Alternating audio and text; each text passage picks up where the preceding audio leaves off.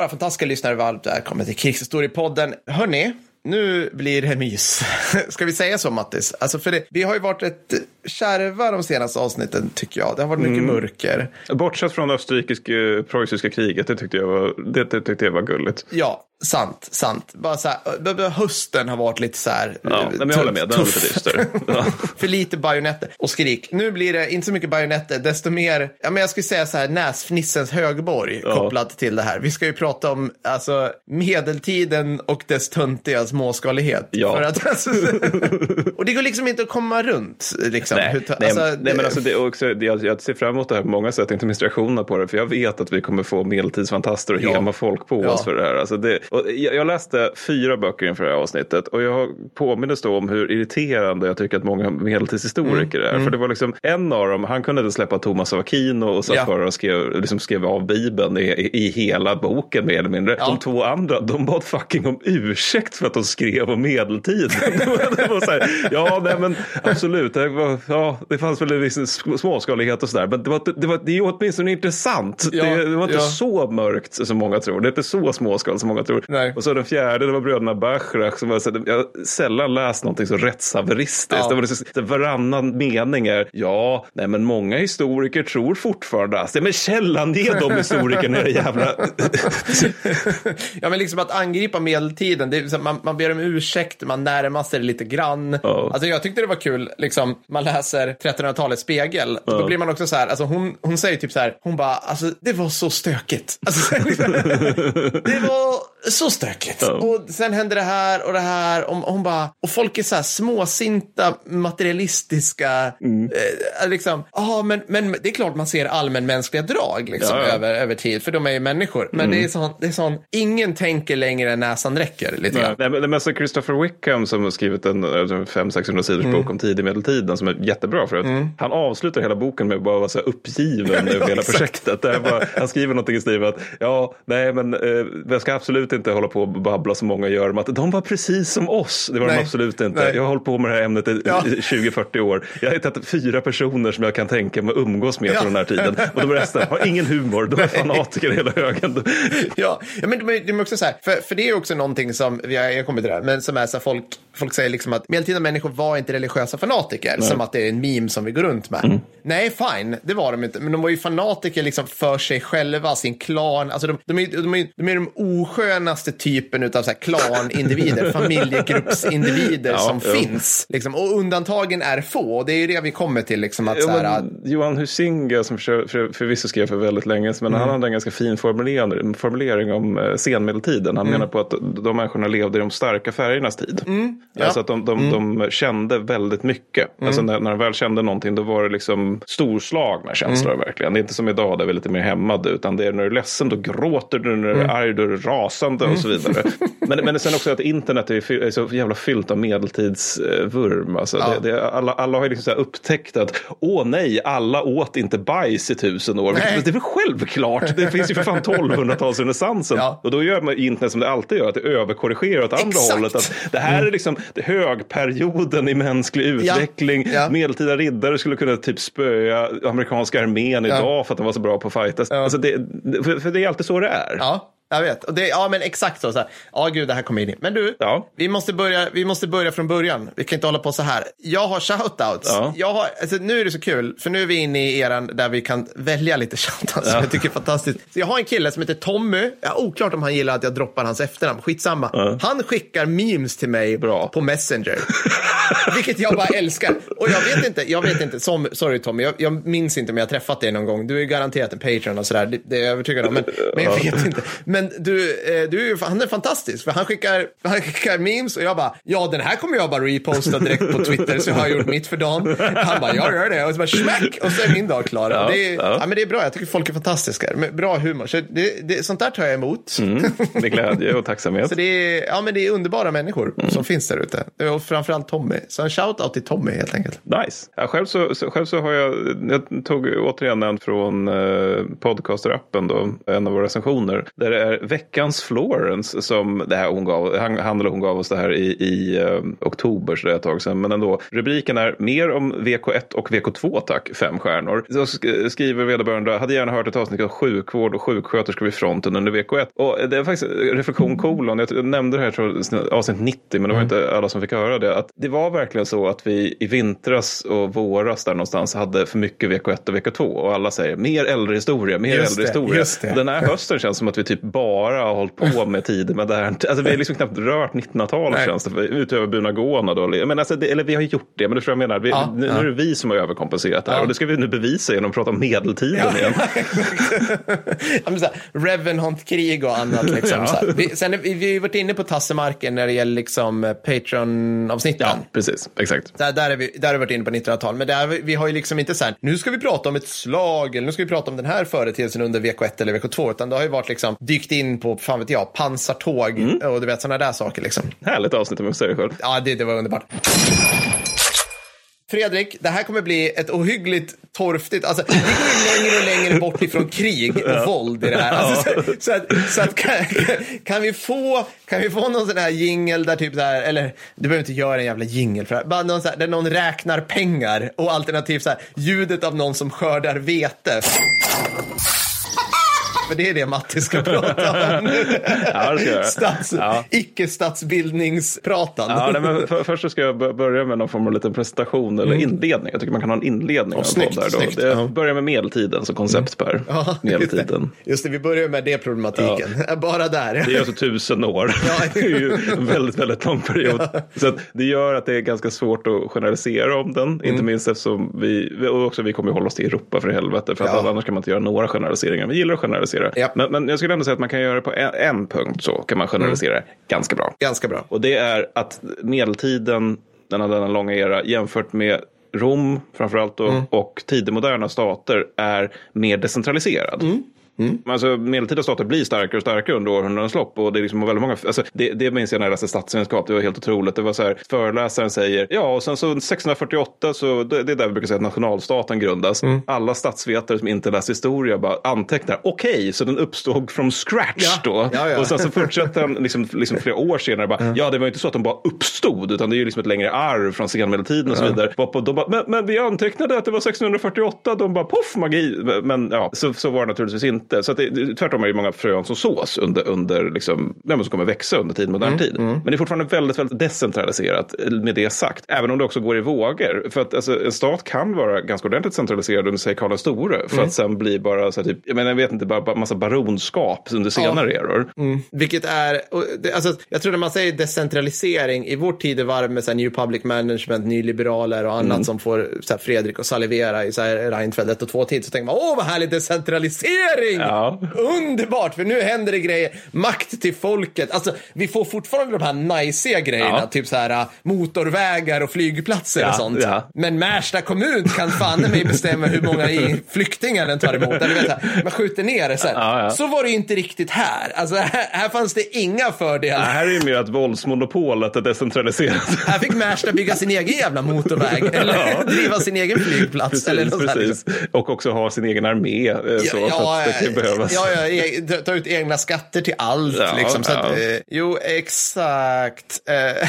men, nej, men för, för det, är, det är en poäng. Alltså, om man ska hålla på med storskalig krigföring så är ju centralisering en ganska bra sak. Mm. Vilket innebär att medeltida arméer är i regel, alltså, notera när jag pratar om den här långa, långa eran, notera att jag nästan alltid menar i regel, eller ofta när jag ja, säger saker som det är så lång tid. Men i regel är de rätt små, arméerna. Man kan ta Aschencourt till exempel. Det är ju liksom ett av de mest kända slagen från mm. medeltiden. Alltså, det har gjorts många filmer om det. Shakespeare gjorde mm. praktiken pjäs om det. Mm. Och där har vi liksom maxantal eh, 9000 engelsmän mot 15 eh, till 24 000 mm. fransmän. Mm. Det är inte jättestort. Äh, alltså. Det ska jag också säga det att när jag säger maxantal, det man kan lära sig av krigshistorien är att ta alltid de lägre ja. uppskattningarna ja. numerär. Ta alltid det. För att alltså, det, det, då som nu så vill historiker alltid göra ett stort epos och det blir mm. alltid mer av ett epos om det är en miljon ja. Kommer och det är det som är en miljon som dör. Men i regel är det aldrig så. Men, men vanligare är egentligen alltså fighter i stil med Sterling Bridge där du har liksom, liksom å ena sidan 6 000 skottar mot sig 9 000 engelsmän där någonstans. Mm. Och det är också ganska litet. Och liksom så här, Edvard IIIs fälttåg mot Skottland 1335, han sätter in liksom 15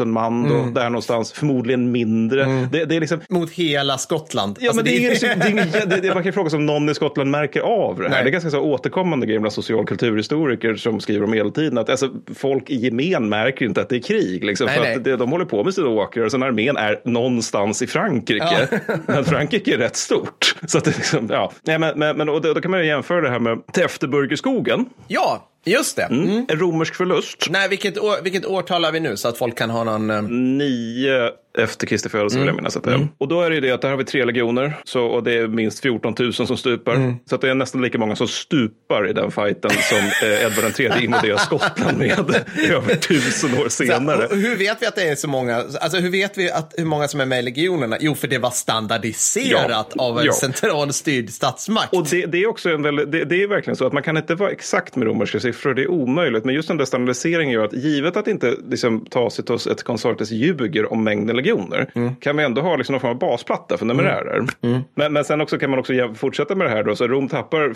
cirkus 14 000 stupade eh, i, i Täfteburgerskogen. Mm. År 16 efter Kristi födelse mm. så dyker Germanicus upp med åtta legioner, 5 120 ja. man per legion ja. plus hjälpförband. Ja. Det vill säga 50 till 55 000 som säger hej Germania, vi tänkte introducera er för det romerska begreppet de populare. Ja, de är inte bara nice. Och här, här har vi också, vi har, vi har logistik också för det. Vi har spannmål från Spanien som vi har liksom lyckats få hit utan ja. alltså så här, så här, liksom, Vi har fungerande postväsende som sträcker sig bort till mindre Asien där vi kan liksom hämta, beställa mer olivolja eller vad fan som helst. Ja, precis. Så alla får mat i tid. Så här. Men det blir ju sådana här fighter som till exempel slaget vid Angrevianska muren då, som där är så här, ja men det är åtta legioner som sätts in. Mm. Och då får man ju liksom, okej okay, men det är rätt många av de legionärerna som är liksom i garnisonstjänst längre bak och mm. hanterar logistikledare mm. eller för, försörjningsledare mm. och så vidare. Men det är ändå så här liksom att om du har åtta legioner plus hjälpförband, det är en stor jävla styrka. Mm. Så det är så äldre historiker äh, pratar ju ofta så 100 000 man, men det mm. var det nog inte. Men säg att det var 50, säg att det var 40, säg att det var ja. 40, 30. Det är fortfarande svinmycket för att vara kring Kristi födelse. Ja. Och sen har vi det här också, 1450-1460. Franska staten har en stående betald styrka då. Mm. Notera, ja, de har en stående armé. Mm. Mm. På 20 till 25 000 man. Mm. Senromerska stående armén är kanske 200 till 500 000 man. Mm. Och jag vill bara säga att den stående, alltså Tachman skriver ju liksom att den stående armén, vilket är i, i praktiken liksom Paris stadsmilis som man sen portionerar ut på olika ställen. Mm. Hon bara, det här är,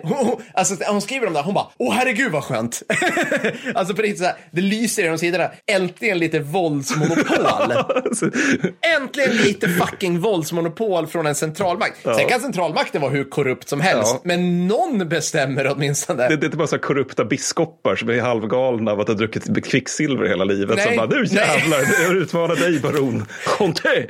eller någon förbannad så här, hertig av Burgundy som får feeling och typ avträder med en tredjedel av Frankrike. Så, så här, alltså det är så, åh, det är så Så, hon, så, att, så att det här, alltså bara det mm. sätter liksom basplattan för egentligen, alltså tidig renässansen och sen att mm. vi börjar liksom, okej, okay, men vi kanske ska ha lite på riktiga, liksom, ska man säga, alltså gränser. Och, ja, alltså, ja. ja, ja. ja nej, men, men alltså, det som är poäng är också att det, alltså, romerska arméer är ofta, inte alltid, men ofta större till avsevärt större än medeltida arméer. Ja, och, och jag, menar, det kommer, jag lovar, någon kommer höra av sig. Nej, men medeltiden var inte så mörk som, som, ni, som ni påstår. Det var inte så lite som ni påstår. För att det, för att, men, men det är liksom mycket sånt här, liksom, det, det, här är samma typ av resonemang som när man säger Röda armén var inte så dålig för de använde taktik och officerare. Jo, men deras taktik sög och deras ja. officerare var inkompetenta. Ja. Det, det, är liksom, det, ja, skitsamma, ja. men mycket att det blir så här, det, det är ju egentligen att ekonomin är decentraliserad, ja. Eh, precis som samhället. Alltså du har staden Rom, den har kring Jesu födelse, eh, där i, där i krokarna, man vet inte säkert, men cirk, man brukar säga cirkus en miljon mm. invånare. Mm. Rinnande vatten, mm. avloppssystem. Mm. Ja, ja. De är ner, under medeltiden så är Rom ner på 50 till 90 000 personer. Mm. Och det här är ju inte massdöd. Det, det är liksom inte så att det har varit en stor, ett stort folkmord av romerska medborgare, utan det är ju snarare att det, staden Rom är beroende av ett imperium med fungerande handelsvägar för att det ska finnas så pass mycket folk på en yta för så pass länge sedan. Och stora städer, de, de, de är liksom under 1200-talet, de är i regel på 30 000 invånare. Det är en stor stad. Ja. Och sen är det fem i Västeuropa som har 50 000 invånare. Det är typ Antwerpen och sådana här liksom Ja, men precis, handelsstäder. ja, men exakt. där, här, ja, men säg Paris säkert också. Men, men, men de här förvaltas också, det tycker jag i sig är kul, de förvaltas i regel av dussin personer i ett statsråd, Ja. några skrivare, några fogdar och en statsvakt på kanske ett tjog. Hashtag så här, rä- räknekammare för ett helt rike. Ja, liksom, Precis. Nej, men, och, det, det, det jag menar med det här med städerna det är att det säger någonting. För att den här liksom stående romerska armén den är ju precis som allting annat beroende av imperiets omfattande resurser för att gå runt. Och medeltidens decentralisering försvårar allt sånt här. Och det gör även hur liksom själva ekonomin är strukturerad. För att du har liksom tillverkade varor under medel, tidig medeltiden. De blir liksom simplare och ovanligare på grund av brist på dels en stor armé men dels också den här typen av superrik adel som fanns i dem. de blir det alltså? Ja. Alltså de blir alltså, så vanliga hushållsvaror? Eller vad tänker du? Vad blev Ja, men det? alltså, det säger lyxprodukter, saker i den stilen. Ja, ja, Det är liksom, helt enkelt liksom lite enklare. Det, och det, det, är liksom, det betyder inte att, att allting... det- Men återigen, det betyder inte att människor åt bajs under hela tiden medeltiden. Men Nej. de, de, når liksom, de har en något en- enklare materiell kultur än vad de har under romersk tid. Framförallt Mm. under högromersk tid. Senrom en annan grej. Men, men mynt till exempel, det finns kvar. Men det är framförallt i guld. Mm. Vilket gör att det, de är så pass dyrbara att du framförallt använder dem för att liksom hamstra rikedom i själva myntet. Mm. Liksom att du har ett mynt så att du har hamstrat rikedom i det. Eller för att genomföra jättestora transaktioner. Medan man på lägre nivåer, där liksom upphör småpengar existera i Ja. stora delar av Europa. Så att man istället går över till byteshandel och gåvor. men, sen, sen, men sen så kommer ju liksom tillbaka senare, under, småmynten kommer tillbaka under, senare under, under medeltiden. Men, men det, är ändå liksom, det här säger också någonting. Och Ja. det, för det är inte heller så att liksom handeln upphör, men den blir mindre. Inte minst under återigen fucking tid- tidemedeltiden. Och orsaken är att Rom är i praktiken EU. Medan Europa utan Rom är inte det. Nej, det är ett gäng, typ så här San Marinos, Liechtensteins, Ja, alltså så här, ja, men snarare det. struntländer, Ja. i bästa fall baronetter. Ja, men liksom, Ja, och sen så har man en kung som nominellt är chef för liksom en grupp av de här små, Ja. små samhällena. Då. Men, men, men, och allt det här är ju, poängen med allt detta babbel om mynt och jordar och så vidare, det är att det här eventuellt är problem för att organisera storskaliga samhällen. Ja. Men, Ja, låt, nej, men du ska så- få demonstrera detta. Ja, men exempel då. Så, så, det här är ju så här en grej som man, man kan googla på om man vill. Får Mm. man upp det här träffet. Största slaget under medeltiden. Slaget vid Tannenberg, Grünwald i Polen. Så här då, det här är alltså mellan, bara för, bara för att liksom ge er en bild av att det här var ingen skitsak. Så Nej. är det så här, det här är, en, det är mellan å ena sidan en allians av Polen och Litauen. Och Litauen är en rätt badass statsbildning vid den här tiden i Östeuropa. Och Teutoniska orden, alltså riddarorden, som var en helt galen maktfaktor och väldigt medeltid. Alltså det här är alltså, vad ska man säga, riddarordnar. Tänk dig liksom ett religiöst fanatiskt motorcykelgäng befolkat av en massa Wallenbergare och Bonniers. Ja. Som beter sig som de värsta exemplaren av Ostindiska kompanier. Ja. Typ. Alltså det, det är oerhört våldskapital med en massa ärvda pengar utifrån något så här hederskultur, religiösa grunder. Är här, jag, jag kan liksom inte tänka mig oskönare människor. Men de är ju typ Alltså, Isis fast kristna. De är- alltså, de är helt galna. Jätte-onajs. Så de, de har ju liksom tagit till, alltså de, de har ju typ mutat, våldfört sig på och liksom allmänt stulit arealer, liksom hektar på hektar av delar av Europa. Och nu hade Polen och Litauen i en slags här pre-nationalstats-feeling bara, vi kan inte ha det så här. Det här är ju praktiken stråtrövare och vi är kristna vi som bor här, mer eller mindre. Alltså vem bryr sig? Ni får inte springa så här. Så, efter mycket om och men så invaderar de då eh, de, de liksom teutoniskt hå- hållna områdena i typ i dagens norr, nordvästra, nordöstra Polen, södra Litauen etc. Och det, ett slag står vid, vid Tannenberg, Grünwald, vilket är precis, och det är liksom relativt, är så, så trattigt och precis det du sa med så här, ja men det är så överskattade siffror, hur många var där? Ja. vad ska vi säga? Det var mellan 30 till 60 000 man, alltså antingen den här siffran eller 100 procent mer. Men det, och det är också, det är också så här, särsk, särskilt någonting tror jag som man ska vara lite försiktig med när det gäller de här siffrorna. Ja. Att, också att det är liksom Polens och Litauens ett viktigt slag i deras historia. Ja. Där de spöar på något som också känns som tyska orden. Ja, alltså, exakt. Jag, jag tror att de här länderna, eller vet att länder som har liksom upphört att existera. Mm. För deras del så blir de här bataljerna ofta ganska viktiga och man Ja. tenderar att göra dem lite större och viktigare än de kanske var. Ja. Typexempel, serberna och trastfälten. Exakt. I praktiken inconclusive battle Ja. i Serbien. Vi måste ha Kosovo för annars.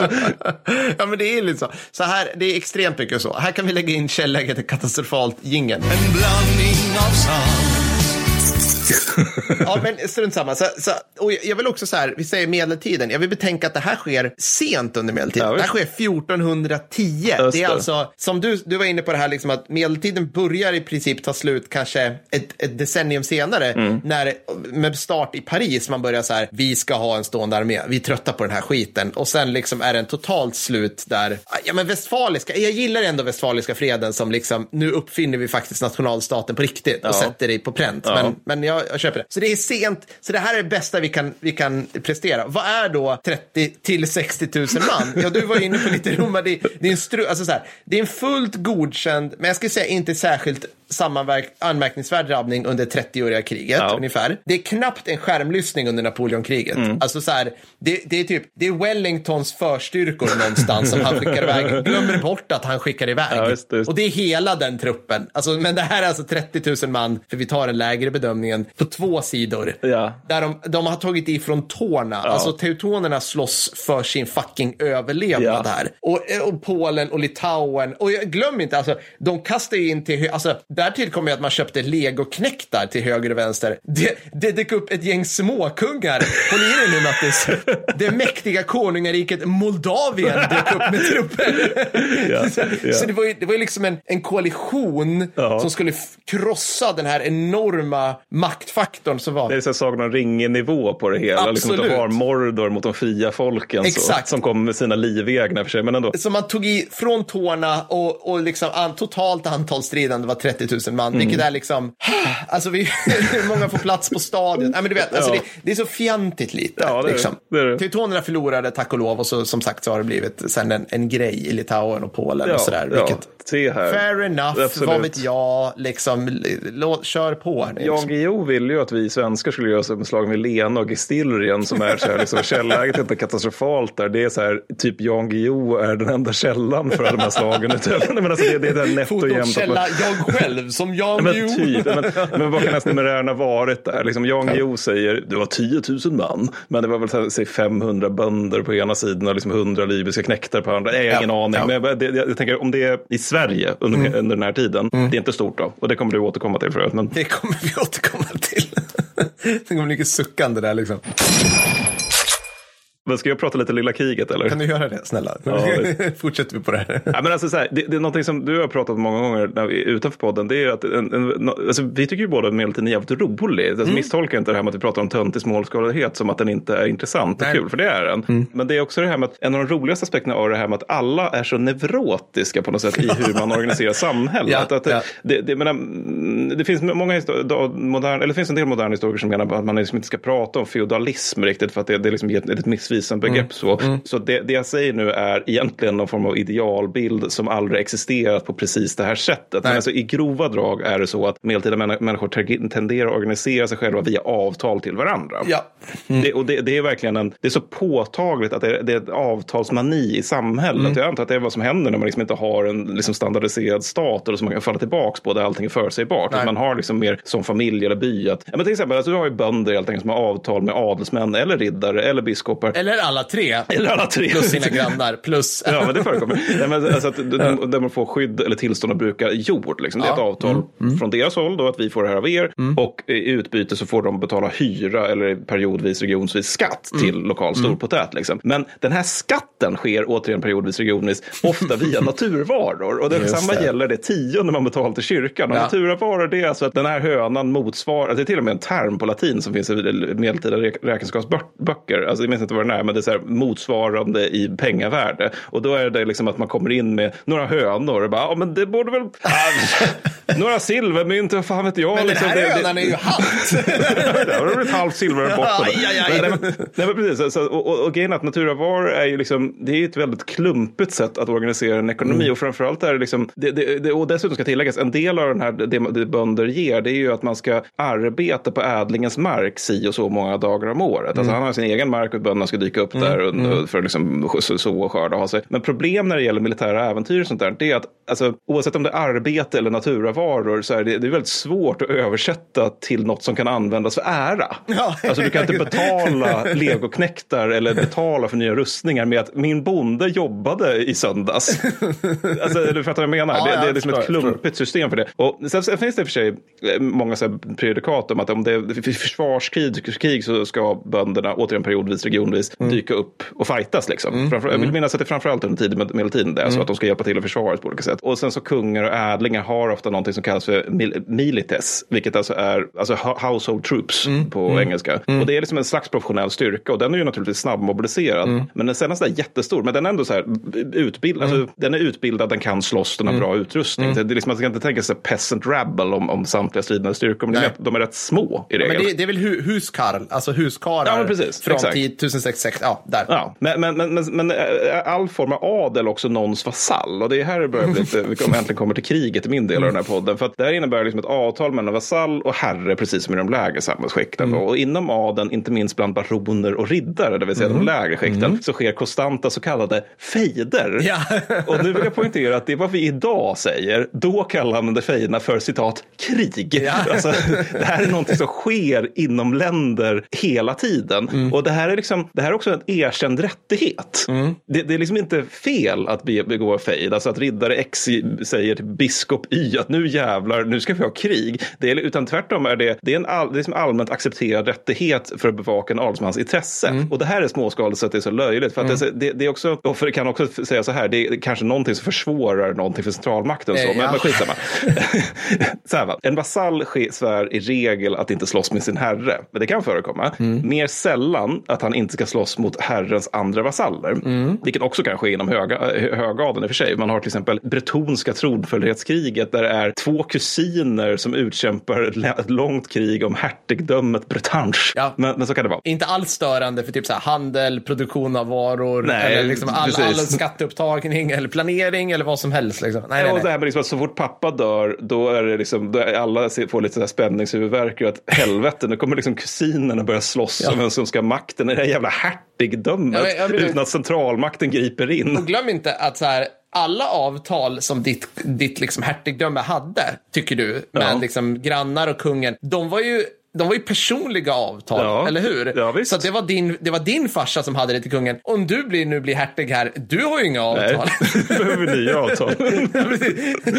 Med mängd undantag. Avtalen är i tid och evighet eller typ tills jag dör vid 42 Ja. års ålder av liksom, portvinstå eller någonting. Men, men också i extremfall kan det faktiskt ske, ske mellan vasall och herre. Och Mm. då är det, alltså, för att det är för att herrens uppgift är ytterst att försvara vasallens äganderätt. Alltså Mm. rätten att äga territorium och äga folk ibland också. Och kränks det här så ses det som fullt legitimt att kriga mot kronan. Mm. Det här är också ett klart fall av mate- makes right. För du har hertig Jean den fjärde som skriver till Karl, eller sån här Charles antar jag, Mm. av den femte av Frankrike. Och må den som visar sig vara starkare få det han vill. Slutcitat. Och det här är liksom en del av hans krigsförklaring mot kungen. Då, han, tycker, det, han säger det här i slutet av sin, det här kallas för diffidatio, det vill säga den officiella kungörelsen för sla- slaggis. För man måste Ja. skicka en kung, kungörelse. Mm. Den som utför en diffidatio, han får inte anfalla heller förrän det har gått 40 dagar efter att den utfärdas. Det, det här är liksom så, så, så det, det är liksom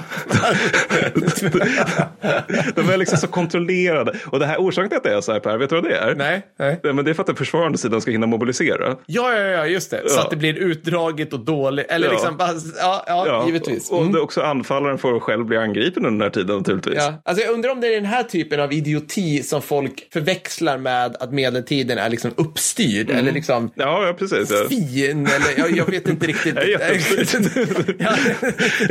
men, ja, men precis. Men, men för också, det finns en ytterligare regelverk. Det är att det här ska vara begränsade krig och det ska därmed inbegripa just begränsat våld. Mm, Men jag får lite misstanken att man med det menar begränsat våld mellan de stridande, inte mot de bönder som är underställda de stridande. För att, för att, och dessutom är det så att man bryter mot det här precis hela tiden. Ja. Men enligt kanonisk lag så är det så här det ska vara. Liksom. Ja, Du ska utföra en Ja. Mm. diffidatio och du ska ha 40, ge fienden 40 dagar på sig att förbereda sig, vilket är fortfarande jätteroligt. Och sen så ska det vara begränsat våld. Men, men det är liksom samtidigt så här att det här är också extremt vanligt i både Frankrike och Tyskland under senmedeltiden. Och det här är alltså under den tid då staten börjar bli stark ska tilläggas. Mm, Och de är väldigt, väldigt svåra att sätta stopp för. Alltså man har en hertig Bouchard de Vendôme som 1360 anfaller en granne i citat öppet krig. Slutcitat. Ja. Och det här då är under pågående hundraårskrig där man tycker att fransk adel och franska riddare borde ha annat för sig än att slåss Ja. mot varandra. Men vad fan. Nej, nej, nej. Eh, Han benådas nu då av franska kungen trots omfattande plundring och förstörelse. Ja. Och totalt, vet du, har du en aning om hur många be- benådningar franska kungen utfärdade 1302 till eh, 1568 för just den här typen av fejder?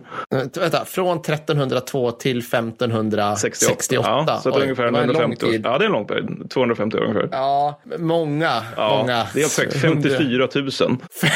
Så det innebär alltså 54 000 fejder Ja. som ibland övergår till öppet krig Ja. där liksom hela, hela landsbygden brinner. Och fel, det har jag också helt fel om där, för det här är de som finns bevarade. Lägger Ja. du till de som inte är bevarade, Ja. de fejder som inte benådades och de fejder som sker utanför Frankrike. Alltså det här måste vara medeltidens absolut vanligaste form av krigföring. Ja. Kan det utgöra ett problem för centralmakt att det är så vanligt och det är så decentraliserat alltså i våldsutövning? Men glöm inte Mattis att medellivslängden ökade. Ja, absolut. Ja, de, det fanns då så. tusen, på grund av deurbanisering framför allt, men Ja. också att de hade tusen år på sig att öka den Ja. medellivslängden. Men, men sen, sen har vi också att många krig är i regel inte heller så olika de här fejderna. Nej. Så För att även om stora arméer dras samman så är det precis som det för den delen även under antiken och Mm. även under stora delar av tidig modern tid att man vill helst inte ha liksom, regelrätta fältslag för det är ju en Mm. slantsingling, vem vinner det? Utan istället så kör man framförallt räder och chevauchés och man liksom drar runt och bränn, eldar upp byar och bönder Mm. och har belägringar. Det är liksom det vanligaste förfarandet, är belägringen snarare Mm. än fältslaget. Och ergo kan ett krig, krig vara rätt oblodigt även, i alla fall för krigarna då, Mm. eh, less so for the civilians tänker jag. Men som ett exempel då så har vi år 1127, då är det ett krig i Flandern som pågår i över ett år då Mm. och utkämpas av totalt tusen man. Wow, tusen Mm. man! Ja, det är härligt. Tusen man. Eh, Och eh, notan för det här kriget då, orsaken till varför vi alla har hört talas om det och varför det är jätteviktigt i historieskrivningen, Ja, det är eh, sju stupade. Sju stupade. Snyggt jobbat, måste jag säga. Våra fem man tillhörde adeln och jag tror orsaken till att vi vet att de gjorde det är orsaken till att vi vet vad de dog av. Mm. För det var nämligen en av dem som dog i strid. Ja, jag tänkte komma till det. Ja. Eh, de resterande fyra ädlingarna då, de dör av att en föll av sin häst, en fick ett tak över sig, en halkade på en mur och den siste han dog när han i citat blåste i ett horn med otillbörlig entusiasm slutcitat. Så han blåste i ett horn då så gick det åt helvete hårt att jag antar att han fick en hjärnblödning. Men det, det här var då ett krig och det är ju Det inte, låter krig. inte så annorlunda just fejder. Och det är småskaligt så att det är töntigt. Ja, men, ja, men det är också så här, vi har ju någon bild också, för att det, det som folk tänker nu, det är så här, ja, men de, individuellt var de skickliga krigare. Mm, definitivt. Och man bara, ja, absolut, men under slaget vid Agincourt så var det ett gäng riddare, baronetter och ädlingar i övrigt som dog av typ så här hjärtattack. för att de var typ här, ja men det är klart som fan, det är krig. Och okej, du, har sett din, du har sett dina kraftsdagar, liksom. du kanske Ja, inte är just det. 25 Nej, längre. nej. Så här. Det har blivit rätt mycket fet fågel, vinet har flödat där. Du kommer in, där du har någon jävla, du har en sån här väpnare som försöker pressa på dig harnesket Ja. över din, så här, över din så här, mycket välfyllda liksom, mage. Så här. Bring me my armor stretcher. Ja, men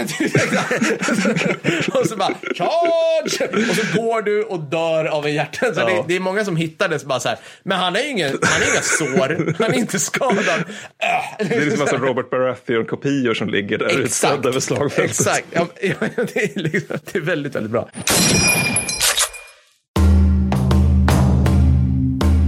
Håll i e er nu, för nu är Gösta i farten igen. Han har nämligen fått tag på någonting helt unikt. Reliker, jajamän. Han har fått tag på Arne Magnussons lillfingernagel. Tio stycken erbjuder han nu. Jag vet inte hur han får ihop det, fråga inte. Slå till nu så får du även hörntänderna. Och det här är, ger dig ungefär plus 10 i toughness har vi bestämt. Du blir alltså kärvare om du bär dem här. Man kan bära dem eh, runt en, en lite smycke runt halsen, ha dem i plånboken eller kanske så här trycka in dem i mobilskalet. Allt det här hjälper på magiska sätt, fråga inte så mycket. Mattis har redan införskaffat en del av ett skenben och eh, Mattis, du springer redan snabbare på 5 kilometer, eller hur? Jajamän. Som ni hör, missa inte det här.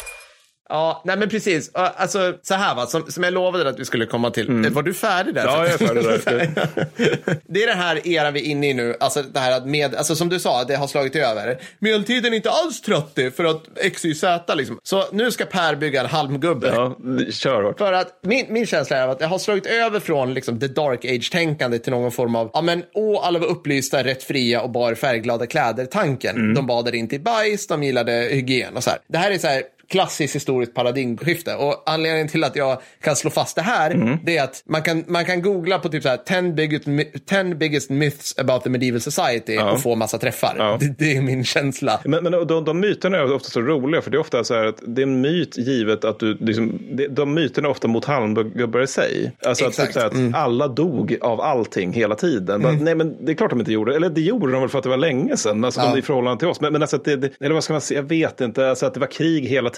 Ja uppenbarligen, fast inte som vi tänker oss Nej. krig. Alltså det, Men jag såg någon som bara så här, äh, som svarade så här, äh, the, the Vikings weren't a big deal var en myt som den slog hål på. Och jag bara, fast vem liksom, ja, men som att, som att typ så här, som att vikingatiden på något vis skulle, som att vi har gått runt och trott så här, för att det dök upp fyra långskepp på Englands östkust några gånger under en 200-årsperiod så är hela Västeuropa omskapat. ja, det låter ju väldigt götecistiskt skulle jag säga. Ja, verkligen. Jag bara, men det är ingen som har... Alltså, har du kollat för mycket på The Vikings liksom? Alltså, vad, vad tror Nej, du? det- så här, det- det- fine att de blev liksom... Ja, men du vet, de, de kom ju dit och var duktiga krigare och så var det någon som sa så här, ja, vill du bli baron över de här två hektaren? Ja. det kan väl bli. Och så vips är de, britt, är de engelsmän eller liksom... Nej, och ingen märker av riktigt att de kom längre, inåt landet liksom. Nej, sådana där saker liksom anfaller de sig. Ja, men det var, jag, läste en bok om första världskriget för länge sedan som Ja. känns väldigt mycket så här VK1 för nybörjare. Där det var så här liksom att nej, men jag ska slå hål på några myter. Det är många som tror att fransmännen inte var med i kriget 1914. Tvärtom bar de ty- tyngsta, tyngsta lasset. Ja, alltså det här är en myt om du inte vet någonting Ja. om första världskriget. Ja. Mycket riktigt, absolut. Eller det var inte riktigt så, det var mer så här, många tror att engelsmännen drog det tunga lasset 1914. Bara, Hur är det, hur är det möjligt? Om man liksom, det räcker med att titta på typ battleboxen för 1914 på Wiki för att förstå att nej, de är 100 000, ja. fransmän är över en miljon. Förlåt, kör. Nej men, nej men exakt. Så att vi kan säga, ja medellivslängden var möjligtvis längre än under antiken av olika anledningar. Mm. Nej, kvinnor var, var inte automatiskt behandlade som fauna alternativt ägodelar hela tiden. Nej. Alltså fair enough för att de är 50 procent av befolkningen och det här, alla behövs. Mm. Alltså så här, det, det säger sig själv för att vi är decentraliserad, töntig. Alltså nu, nu kommer jag få många på mig så här. Men det fanns 0,0 stordriftsfördelar i medeltida samhället. Ja. Och det här är, alltså, det här, det går inte att överskatta vilka Alltså vilka hävstångseffekter det ger i ett samhälle. Ta det här till exempel. Handeln var ju en rännil mot vad det hade varit under tidigare epoker. PGA. Inget våldsmonopol, havererade alternativ, alternativt icke-existerande valutor, pest, skit och, och allmänna otrevligheter. Det vill säga liksom att under Pax Romana, då fanns det sådana coola saker som typ att du hade hela byar i Syrien. Vi tar det från början. För typ några år sedan, det blir arkeologipodden här, då, då gick man runt, då, då var det en arkeolog som skrev, eh, så här, borstade fram, för det är ju det man gör i arkeologi, man borstar och pekar på saker och ser viktigt ut. Borstade fram serielåga murar, always a series of low walls, i, i Syrien. Och så sa man så här, det här var en konstig by. Nej, varför då? Nej, men det, det finns liksom, det är bara en massa hus, som alla husen ser typ likadana ut, de har någon så här verkstadsdel och de, de liksom ligger i terrass, men vi ser ingen liksom, vi ser ingen tecken på jordbruk överhuvudtaget här. Liksom, inget tecken, de, men de äter mat, för vi har liksom skrä- skräphögar och avträdeshögar och så här. Men, men de, vad fan vad konstigt. Och så börjar man, så börjar man grotta i det där. Och då kommer man fram till att alla de här husen höll på med li- olivoljeproduktion. Just det. Mm. Som exporterades då. Yes. Då är man med i EU. Då är man med i EU. Det betyder ju att alla de här, pff, jag har ingen aning, 100, liksom 500 000 personer som kan ha bott där med familjer och hela baletten. Mm. De fick ju sin mat någon annanstans ifrån för någon handlade. Ja, visst, alltså det här visst. är helt otänkbart under medeltiden. Om du inte är 30 munkar Ja. som sitter Ja. och liksom går ut dagligdags och frågar om du kan få några Ja. Rovor. Ja. Alltså det är helt, det, och det här, alltså Men framförallt är det väl otänkbart att det här ska ske i Syrien och, och sälja, och, äh, att, men att det ska vara en del av ett liksom, samma nät som också gäller i Spanien. Alltså att Exakt. det, det är den här stora helhetsgrejen, Ja, att det är samma ja. regler gäller över den här arenan. Precis. Och vad, vad, vad får man för fördelar, Mattis, till exempel, om du kan massproducera varor till ett billigt pris. Liksom. Ja, ja, vissa ett exempel är ju standardiserad utrustning till legionärer. Men Ja, precis. Exakt. Och, alltså, du, du kan liksom... jag vet inte var jag ska börja. Du kan ju ha så otroligt många fler, större andel av din befolkning Mm. som kan hålla på med andra saker än att typ så här, odla rovor, gräva jordhålor samt samla ved. Ja. Liksom. Vilket är ju det, alltså, det var ju det som alla i den här miljonstaden Rom pysslade med. Ja. Alltså det var ingen som odlade rovor. nej, nej de, de fick mat från Västafrika. Eller nor Nordafrika menar jag, förlåt. Exakt. Liksom. Sen finns det, det finns ju såklart ett problem här. Och det är ju det liksom att det, det romerska samhället leder ju av alltså, obegränsad tillgång till billig arbetskraft, läs slavar. Ja. Så att det, är liksom, det var inte så att nyttjade de här äh, med en miljon människorna i Rom till att, liksom, teknologisk utveckling. Nej. Eller liksom, nej, utan de typ, fan vet jag, målade amforor. Alltså, det, det är sådana saker. Ja. Men alltså, ändå att det fanås den möjligheten. Och det dröjer ju tusen år mer innan det är vi ens i närheten av det här. What have the Romans ever done for us? Så okej, så å- återigen då så här, när folk säger liksom att de, de kan plocka folk, General Reddit och alla de, kan ju plocka enskilda grejer liksom. Den här riddaren var duktig Ja, och hans tio pers. Det här var häftigt. Så här. Men ta bara en sån sak som att, jag tror att många kanske tänker så här, ja men i och med att de var snävigare, de här riddarna, Mm. så var de kanske bättre expeditionärt liksom. Mm. Att det fanns en sån känsla då. Då lägger jag upp på bordet bevismaterial A, typ alla korstågen. Eh, och motbevis B, Alexander den fucking store. ja. Vilket utgick ifrån Makedonien, Ja. vilket är liksom stort som Blekinge Ja. i Grekland. Ja. Nej, det är större, men, men liksom litet. Och tog över typ på vägen till Indien två, tre imperier och skapade sitt eget. Ja, och sen också när det gäller korstågen, det mest framgångsrika där är ju första korståget och det är ju eh, dels beroende av östromersk logistik. Ja, alltså de exakt. svälter sig ju typ genom Europa, Nej, det gör de inte riktigt, de har en massa marknader och skit, men, men när, de- alltså, det, det, är liksom som att allting löser sig när de kommer till, till Konstantinopel. Ja. För där finns det liksom, ja men oj, nice, fortfarande fungerande romerska vägar och kanaler, vad trevligt. Jag tror det är Antiochia där det är så att de börjar äta muslimer, jag tror det är där, för att de inte har någon mat längre. Men Nej. då dyker sig östromarna upp med båtar då, okej, men här får ni mat av oss. Alltså det, det här är, så, ja, eh. Nej men precis, det är liksom höjden av så här trattig, jag vet inte vad man ska säga liksom. Det Mordiska urusla scouter som inte kan överleva på något vis liksom. Ja. Annat än med folk kör ut mat. Men sen, sen var de, ju- alltså, de var ju väldigt duktiga på att slåss också, riddarna. Det har vi ju tagit upp i tidigare avsnitt Ja, i. Mm. tu- Supertunga kavalleriet. Men, men ja, men, men du skulle komma till Sverige efter det här. Åh herregud. Okej, kära lyssnare. Mm. Det här hade ni ingen aning om. Men Arn-filmerna, Ja. kommer ni ihåg de här? Ja. 2007, Ja. 2008. där. Oerhört taffliga. Oerhört tuffa. Men Mattis, typ de mest historiskt korrekta filmer som gjorts. Jag vet, du ramlar av stolen. Du kan sätta dig upp i stolen. Häng med nu, för nu ska vi gå igenom Arn-filmerna som handlar om svensk medeltid. Och det här är till och med obs, alltså baserat på Jan Guillous historiskt tolkade böcker. Liksom. Så här, okej. Lätt osköna karaktärer. Check. Check. Ja, beroende på dåligt manus kanske, men det är en annan sak. Ja. Religiös fanatism. Check. Kung någonting någonting, spelad av trött random Skarsgård, dyker upp med kungens här, det vill säga tio armborstskyttar, två fyllon på häst och en åsna. Check! Ja. Helt enligt källorna. Ja. För det är ungefär så häftigt det var i stora delar. ja, men liksom, man kan säga, ah, b- b- det som folk kan oftast om svensk medeltid, eller oftast, men det är liksom, vad, vad fanns innan Gustav Vasa? Frågar, man frågar en random människa på stan. Någon kommer bara, ja, du frågar mig det medan jag står här på Birger Jarlsgatan, så han var väl viktig, för det måste ju ha varit typ, ja. Birger Jarl, född kanske då, kanske där, obs, källäget är katastrofalt. Ägnade typ hela sin gärning åt att på olika sätt hålla storbönder i olika delar av riket som Ja. typ bestod av Mellansverige Ja. på gott humör, Ja. supa och sova i lador samt rida runt med ett dussin smockemän och just det. proklamera saker. Alltså det är liksom, det är den taffligaste nivån av kungamakt. Det är så långt ifrån Karl XI man kan komma. Det är så långt ifrån, det finns, alltså allting var liksom, det var inte ens, man, man, ibland vissa brukar säga också så här, men det fanns lagar på medeltiden liksom. Ja men kolla här, det fanns liksom något som reglerade kungamakt liksom, fast det och det. det, det alltså alla de där är bara som du var inne på, glorifierade avtal. Ja. Och svenska medeltiden är värre än så. Alltså stor del av svensk medeltid är alla dessa ladulåskungar Mm. som typ hänger utanför Hansastäder och hoppas på att någon tysk ska kasta ut lite brödbitar. Kommer ner till Kalmar, hej, kan vi få bestämma här? De bara, nej. Han bara, okej. Det är så där du beskrev med Birger Jarl var ute och red mycket. Alltså det, det där var ju med minnas är också var något valdrag bland kungar i Frankrike under tidig medeltiden. Att de just, de har, de har ju en armé, eller de har ju liksom sina, sina milites då, så sina, mm. sina household troops. Mm. Men de måste ju utfodras. Ja. Så att det är liksom en väldigt stor del av deras ja. tid går åt till att bara åka, gå till kungsgårdar och sen så åker de till nästa kungsgård. Sen bara åker de runt och äter. Liksom. Ja. Det är det som de sysslar med. Och i regel finns lag och ordning, eller snarare deras makt finns där de är. så Medan man ute i bondebyarna bara, ja, skatt, schmatt, vi får se hur det blir med det. Men så fort de åker därifrån så bara, vem var det? Kommer inte ihåg, jag minns inte ett skit. Knutsson någonting.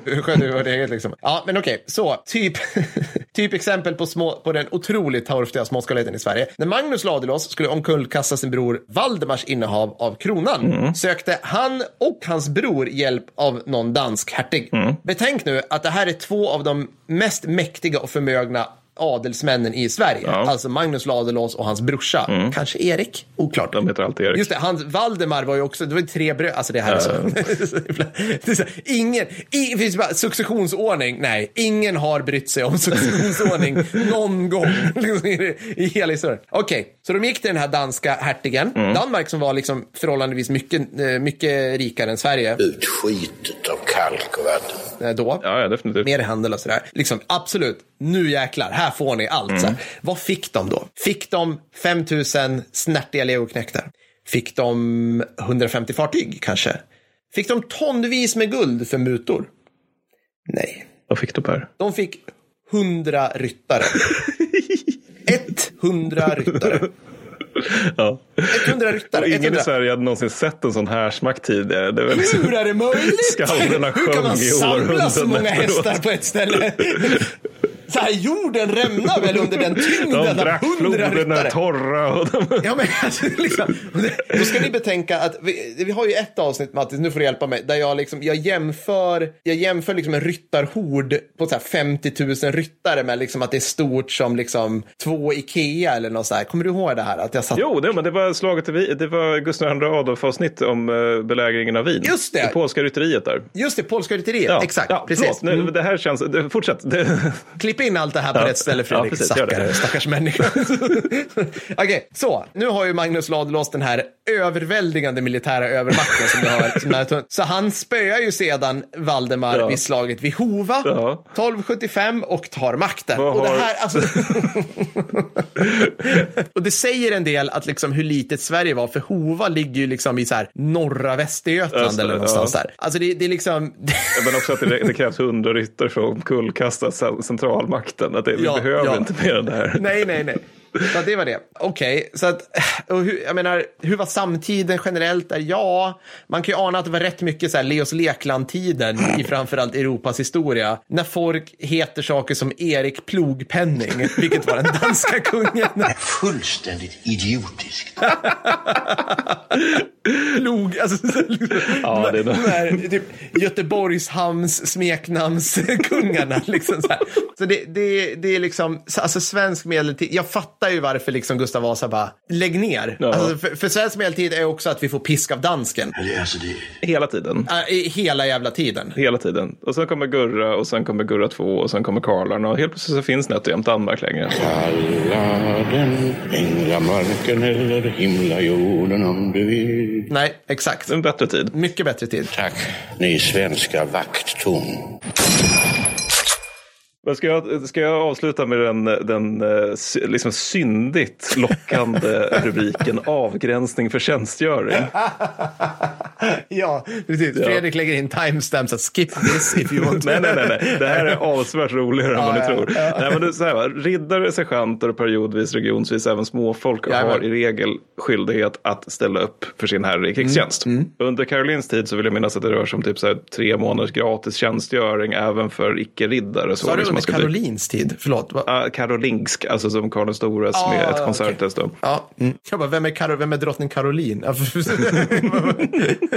drottning Caroline låter mer, det låter mer som en parfymmärke eller någonting. Ja. Men oavsett, till högmedeltiden så har det systemet förfinats ja. och blivit allt mer neurotiskt. Ja, alltså, tjänst, där tjänst, tjänstgöringen liksom baseras nästan alltid på individuella avtal som vi varit inne på. Ja. Det är det här att jag som person svär dig till som person att göra någonting. Och min favorit av de här, det här slår all, jag skickade en till dig, ett exempel på sånt där. Det, det, det, som var ganska fnoskigt. Här kommer min favorit. Bra. det här är nämligen det avtal som slöts mellan Henry den första av England och Robert den andre, greve av Flandern, 1101. Och nu kommer jag läsa till här för det här är så jävla rörigt. Det är alltså Robert då, alltså Ja. greven, han stipulerar i detta avtal att stödja Henry, kungen, mot citat alla män, levande och döda, slut citat. Förutom Döda också, den var tuff. Ja. Ja, ja, det också. Men också nota bene, förutom Filip av Frankrike, det här till den engelske kungen, men alltså, så han, han ska stödja honom mot alla förutom kungen av Frankrike. Ifall, kungen av, ifall denna vill invadera England, alltså kungen av Frankrike, kommer greve Robert då att hjälpa honom med det, men med så små styrkor som möjligt. Han kommer även försöka avråda Filip från en invasion, men utan mutor och onda råd, för det ska gå ärligt till. Ja, ja, ja, mycket bra. I andra fall kommer Robert att stödja Henry med tusen man i utbyte mot 40 dagars förberedelsetid. Det är en vanlig grej där med 40 dagar. 40 dagar. Robert kommer också följa denna styrka givet att han inte A. är sjuk, B. Inte, kall, inte redan inkallas till den franska armén då Ja. eventuellt för att invadera kungen av Englands territorium. C. Eller till den kejserliga armén som han också är vasall till. Då, för han är även kejsarens vasall. Ovan gäller dock inte i Normandie där Robert får stå för kostnaden för sin styrka under ett fälttågs första åtta dagar. Då. Mm. Om Filip invaderar Normandie, alltså Filip av Frankrike invaderar Normandie, så kommer Robert följa honom med 20 riddare. Men de återstående 980 riddarna som han har, och riddare och ryttare, allihopa är liksom inte Ja. kommer att köra hen- tjäna Henry istället. Det här är alltså ett avtal som man ska hålla koll på. Att allt det här gäller för den här enskilde greven. Och det finns fler grevar, det finns fler hertigar, det finns fler baroner. Och liksom, det här är en snubbe det är så här jävla komplext. Alltså, hur ställer man ens till med ett krig utifrån den här förutsättningen? Bara, Okej, men nu ska se, det är onsdag idag, det var fullmåne igår. Bra, då vet jag att den här baronen kommer dyka upp med 20 pers. Vi får se om han vet det, för han är ju sjuk. Eller, han säger att han är sjuk.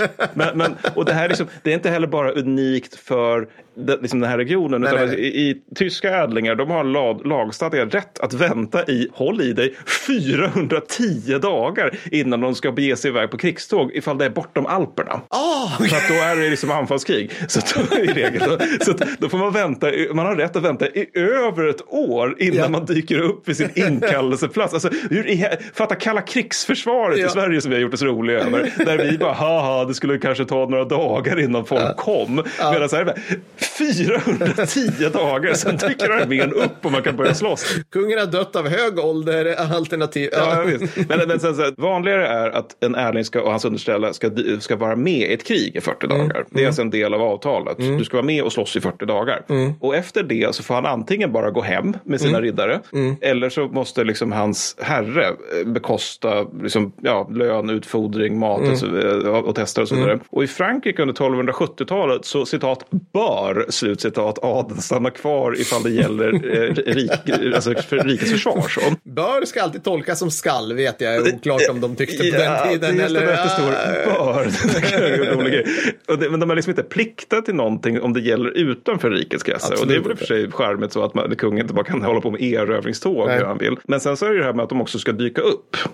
Just det. Eh, Contan, kon, nu ska jag säga, Constantin skulle under den här perioden, då, alltså 1270-talet där någonstans, eh, ställa upp med 80 riddare till franska kungen. 55 dyker upp. Ja. Filip, den, eh, Filip den tredje kallar dem eh, 1272. Ja. Så att liksom bara redan- där har vi ett problem. Så, men nästan halva styr, vår pappersstyrka kommer inte. Nej, nej. Och sen kommer ju folk börja dö av ja, men generella bajsvattensjukdomar, PGA Ja, Absolut. absolut. och liksom... Absolut, Ja, men vet, någon absolut. ramlar av sin häst, ja, någon Ja, vrickar foten.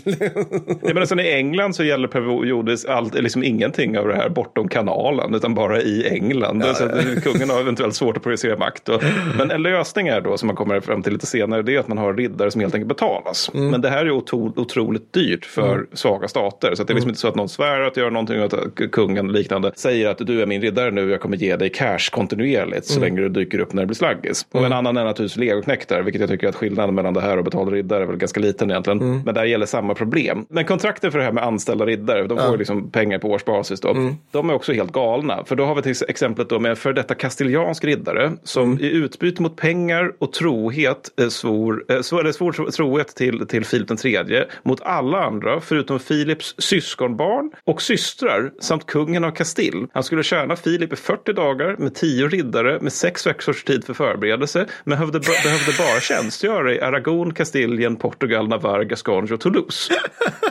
hur, hur organiserar man någonting utifrån det Tio här? dagar, vänta, så här, det tio riddare i 40 dagar med Ja. sex månaders för...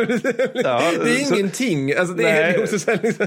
Men också, liksom så, så, också att han bara kan sättas in i de här delarna av... Alltså det, det, är liksom, det bara vissa delar av världen han ens får vara i. Det, det, det, det är liksom Ja, så, och hur- alla andra har olika val, så att du måste ju liksom, du måste ju ha ett, ett- ett Excel-schema av Guds nåde för att kunna... Ja, och det här är tråkigt nog innan Excel. Och man har en ganska liten förvaltning vid den här tiden. Ja. Det liksom, Åh, du har läshuvud, men vad bra. Nej, nej, men, så, så, att- alltså, jag fattar inte riktigt hur de fick... Alltså, rimligen måste det ju vara så då att, att ä, även den här riddaren då, om äh, Filip den tredje bestämmer sig för att ja, men nu så ska jag slåss i Flandern eller någonting, att han blir tillfrågad. Men alltså, det är min poäng är lite grann att det medeltida militära systemet har eh, många goda sidor, men en sida som det inte har är förutsägbarhet. Det är Nej. liksom inte det här med att det står legioner vid Limes och de kan liksom på en pisskvart mobiliseras och sättas in i Germania ifall man får lite feeling. Nej. Och det här, allt det här, alltså, just det här att man försöker börja av, av, betala av folk och sånt där. Alltså det, det, liksom, det, det, är, som det är så pass dyrt så är liksom, alltså, lösningar på kriser inom det medeltida systemet under senmedeltiden gör att liksom, trots att det är liksom, ett tecken på en starkare stat, det vill säga att staten kan faktiskt börja betala av folk, så leder de fortfarande till rätt små arméer eftersom det är så jävla dyrt med att sätta män i fält i grund och botten. Ja, precis. Exakt.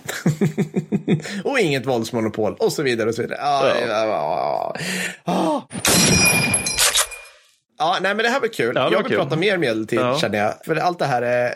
Det var så konstigt. Vi kanske ska liksom någon gång prata om de balla delarna av medeltiden. Det har vi typ gjort när vi pratade om supertungt kavalleri. Supertung kavalleri, ja det, det var i och för sig det enda skulle jag nästan vilja påstå. Liksom. Annars får väl några hemafolk komma, "Ja, men de var grymma på Sverige. Nej, det var de inte. Nej, förlåt. Eh, Har vi lärt oss någonting sen sist? Say what? Vad du har lärt dig sen sist?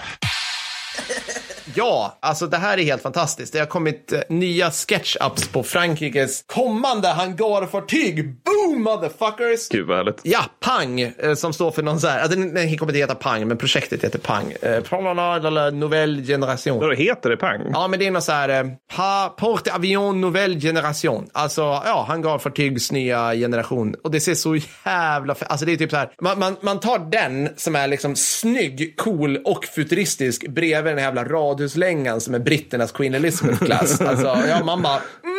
Alltså det, det här är fortfarande ett land som har lite jävla umf i sig, känner man liksom automatiskt när man ser. Så det gillar jag. Det gillar du. Det har jag lärt mig sen sist och det är ren ära. Så är det. Du då? Nej, men jag har, jag har lärt mig eh, sen sist, det är någonting om Putins nya hemliga vapen. Eh, vi spelar in det här i oktober i och för sig, så det kanske inte är så nytt längre. Men det är att han uppenbart håller på, att han, att han har hittat en, en tidsmaskin. Time is on our side. Nej. Jo, ja, men absolut. De senaste bilderna jag har sett av rysk trupp i Ukraina, det, det är uppenbart inte ryska armén i modern bemärkelse, utan det är snarare andra vitryska fronten från Röda armén 44 som sätts in. De har Moisin Nagant-gevär. De har hjälmar som är, de är väl gjorda liksom under tsartiden. Alltså det är så jävla påvert. Så att uppenbart tidsmaskin då Ja. av den här väloljade krigsorganisationen som är världens andra armé. My time machine. Men det är coolt ändå att han kör liksom Red alert-style och har så här chrono, chrono, Troopers. bla, bla, bla, vad det hette, chrono troop. Fram, i- fram och tillbaka. Coolt. Ja, men jättebra. ja, jag hoppas att alla hemamänniskor kan förlåta oss Ja. eh, och alla medeltida boos, men eh, Nästa gång så ska vi prata om att Finland under andra världskriget inte var lika häftigt som folk tror. Alltså, då kommer folk bränna ner podden. Men ja, låt höra. Vad ska vi prata om sen sist? Jag minns faktiskt inte. Du, alltså så här är det, det är inte bestämt än, kan jag säga. Nej. Eh, Eller så här, nästa Expressavsnitt är ju inte bestämt. Extra avsnitt om jag får. Förlåt, extraavsnitt. Varför säger jag fel? Jag vet inte. Nej, extraavsnitt såklart. Det är obegripligt Per. Ja, det är fullständigt roligt. Nästa avsnitt efter det, Ja. det är vapentekniska återvändsgränder. Det kommer vara en del LOL. Ja. Det kommer en del så här, ja det hade jag ingen aning om. Jag kommer prata om Just det, tanketter. just det, det där. Ja, precis. Jag kommer kanske prata, eller jag kommer prata om lite zeppelinare. Sen har jag lite så andra mm, mumsgrejer som jag kommer prata om. Så det blir bra. Det blir lite mer killmys. Eller ja, det blir mycket killmys. Fint, vi hörs sen. Det gör vi. Ha det gött. Hej då. Hej då.